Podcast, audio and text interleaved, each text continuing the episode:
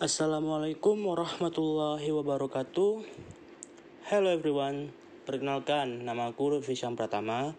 Aku berumur 20 tahun lebih dan aku berasal dari Sumatera Utara.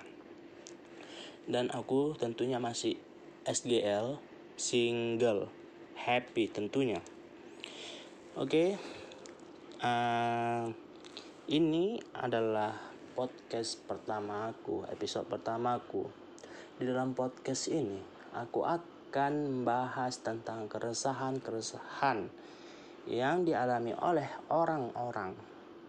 Termasuk kita, diri kita sendiri, orang tua kita, kakak kita, abang kita, adik kita, teman kita, dan semuanya. Nah, di dalam podcast ini aku akan mengambil topik-topik yang terkini, terpanas, ter ter ter ter, ter lah dan tentunya dan tentunya bakal didukung dengan opini-opini yang telah terpercaya. Oke, baiklah. Untuk mempersingkat waktu waktu asik. Oke, di sini aku akan membahas tentang game online. Game online, pandangan umum mengenai game online menurut sosial, psikologi, dan ekonomi Konteks game yang dimaksud dalam uh, dalam podcast kali ini adalah video games, kemudian akan difokuskan pada bagian komputer games dan internet games atau online games. Oke, okay. bagi sebagian orang bermain game itu adalah kegiatan yang menyenangkan, betul? Ya, betul. Sebagian lagi mungkin menempatkan kegiatan bermain game itu sebagai kegiatan yang hanya dilakukan untuk mengisi waktu kosong, waktu luang. Betul? Ya, betul. Atau untuk membunuh waktu kosong yang ada pada diri kita. Banyak motif yang mendasari orang bermain game, namun alasan yang sering kali muncul adalah untuk mencari kesenangan atau long pleasure. Dalam, ber, dalam beberapa kasus, banyak ditemukan bukti-bukti bahwa pemain game memiliki kecenderungan untuk menjadi kecanduan atau addicted dengan permainan yang dimainkannya. Contohnya, ketika kamu mencoba suatu game, kita ambil saja contoh gamenya adalah game online.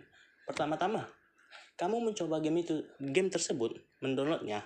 Terus pertama-tama kamu masuk ke dalam game tersebut dan kamu merasa keasikan, keasikan terus-menerus dan terus-menerus. Itulah yang dinamakan addicted. Nah, fase kecanduan bermain game adalah keadaan di mana seseorang pemain akan sangat sulit untuk lepas dari game tersebut.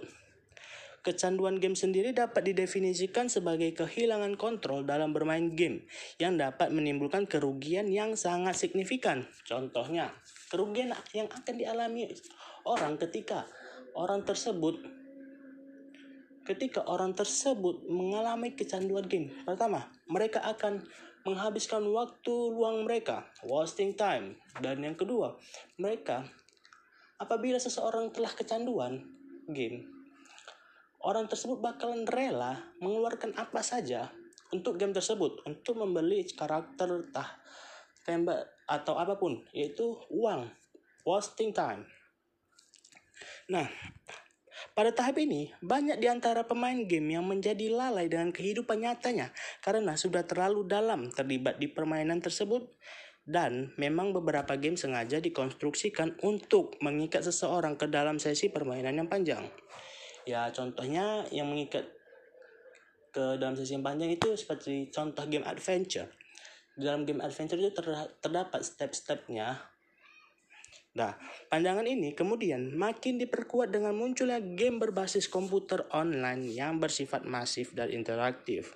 Selain itu, menjamurnya pusat-pusat permain game, permainan game online, yaitu warnet, yang juga dianggap sebagai salah satu faktor yang mendorong pemain untuk kecanduan. Apalagi biasanya pusat warnet tersebut menawarkan biaya sewa yang relatif terjangkau. Contohnya kalau di Medan ini satu jam saja satu jam satu jam saja itu dikenakan tarif tiga ribu rupiah atau empat ribu rupiah. nah, pandangan umum yang ada di masyarakat tentang game serta pemain game online selalu bersifat pesimis dan negatif. terutama orang tua kita, selalu menempatkan game beserta pemainnya dalam stigma-stigma yang tidak baik. Karena menurut mereka, game dapat memberikan pengaruh buruk bagi pemainnya. Ada kekhawatiran orang tua jika permainan komputer tersebut jika permainan komputer tersebut mengganggu dapat mengganggu kehidupan anak mereka. Contohnya mengganggu ke sekolah mereka, mengganggu psikis mereka, mengganggu mengganggu oh, salah, salah aku, mengganggu sosial mereka dan mengganggu yang lainnya. Terlalu banyak waktu yang dihabiskan untuk bermain game dapat mengganggu sekolah, tentunya pekerjaan dan kehidupan sosial di dunia nyata. Itulah kenapa game online Game online sering kali dipandang dengan orang yang berjudi karena keduanya bersifat candu. Ada satu titik di mana stigma yang muncul kemudian menimbulkan sebuah ironi di masyarakat karena hingga kini belum ada bukti-bukti yang secara komprehensif mampu menjelaskan kegelisahan masyarakat terhadap konsekuensi sosial negatif tersebut. Dalam beberapa kasus, kontroversi ini menjadi ironis karena para orang tua justru tidak pernah memainkan komputer games atau video games tersebut tentunya. Tidak pernah mengamati atau mendampingi anak-anaknya bermain. Keterbatasan informasi dalam memahami perilaku anak-anak dalam memain memainkan games adalah kata kunci permasalahannya. Konsekuensi lain yang harus dihadapi seseorang pemain game ketika sampai pada tahap kecanduan adalah munculnya potensi depresi. Mm, maksudnya depresi di sini adalah ketika seseorang yang telah kecanduan game, ketika dia bermain bermain game dan terus menerus pada game tersebut dia menang menang menang dan ada satu ada suatu ketika dia mengalami kekalahan di situ mereka bakalan depresi.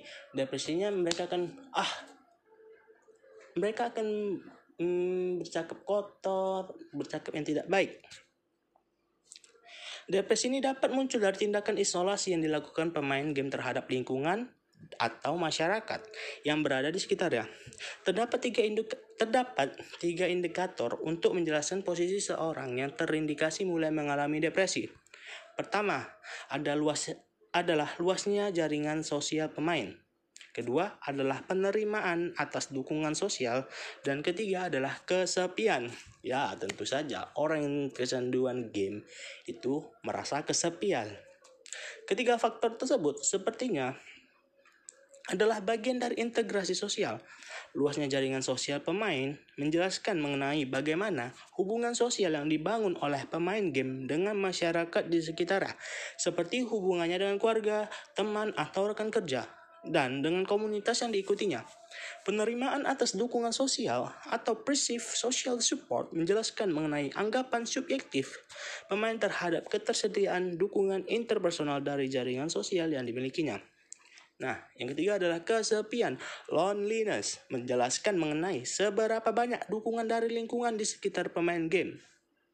Konsep ini menjelaskan kebalikannya di mana ketika keadaan dukungan terhadapnya sedikit, maka otomatis ia akan merasa terasing dan kesepian. Ketika seorang pemain game merasa bahwa bagian-bagian dari integrasi sosial tersebut mulai menghilang dan mulai menghilang dari dirinya, kecenderungan meningkatkan depresi akan semakin tinggi. Ketiga faktor tersebut nantinya akan mempengaruhi mental dan psikologi pemain game terhadap lingkungan di sekitarnya. Gejala depresi tersebut biasanya mempengaruhi keramahan pemain game, ketelitiannya, stabilitas emosinya, dan intelijen dari pemain game, pemain game tersebut. Konsekuensi lain yang dihadapi seorang pemain game adalah pemborosan dan kecenderungan untuk menjadi sangat konsumtif. Ya, pemborosan dan konsum konsumtif tersebut untuk gamenya. Tercatat, bagi pemain game yang bermain di game center atau di warnet, setidaknya harus mengeluarkan sejumlah biaya untuk membayar sewa komputer, parkir, snack, untuk makan dan minumnya, serta hal-hal tidak terduga lainnya. Hal ini biasanya menjadi menjadi hal ini biasanya terjadi pada pemain yang sudah sangat kecanduan terhadap game on game online. Sehingga apabila dia di rumah saja di rumah saja bayangkan dia di rumah yang sedang kecanduan game di rumah saja nggak ada ngapa-ngapain dia hati dia itu memberontak untuk pergi terus ke warnet warnet warnet dan warnet karena dia kecanduan Kebanyakan dari mereka tentunya akan banyak menghabiskan waktunya di warnet. Hal ini bukan disebabkan mereka tidak memiliki perangkat komputer sendiri, tetapi bermain di warnet itu semakin menambah chemistry bermain mereka karena suasana yang nyaman serta didukung dengan komunitas serta didukung dengan teman-teman warnet mereka. Ya, ya dan mungkin game tersebut bakalan bakalan merugikan untuk kita semua tentunya. Nah, untuk saran saya adalah kita boleh saja bermain game, tapi ada batas-batasannya dan jangan jadikan game itu sebagai candu untuk kita karena kita mempunyai kesibukan-kesibukan yang lain. Bisa saja, memang betul, game itu dapat menghasilkan. Seperti contohnya gamer Just No Limit, dia menghasilkan dan mendapatkan uang dari game tersebut tapi kita boleh saja bermain game terus bermain game terus dengan catatan dari game tersebut kita dapat menghasilkan. Apabila dari game tersebut kita tidak menghasilkan, mendingan yaudah sampai sini aja gamenya, jangan dilanjutkan. Oke, sekian dari podcast keresahan kali ini yang berjudul tentang game online. Mungkin pada uh, pada lain waktu aku akan membahas sebuah keresahan-keresahan lainnya dan aku akan menyusunnya dengan rapi. Oke, terima kasih dan sampai jumpa.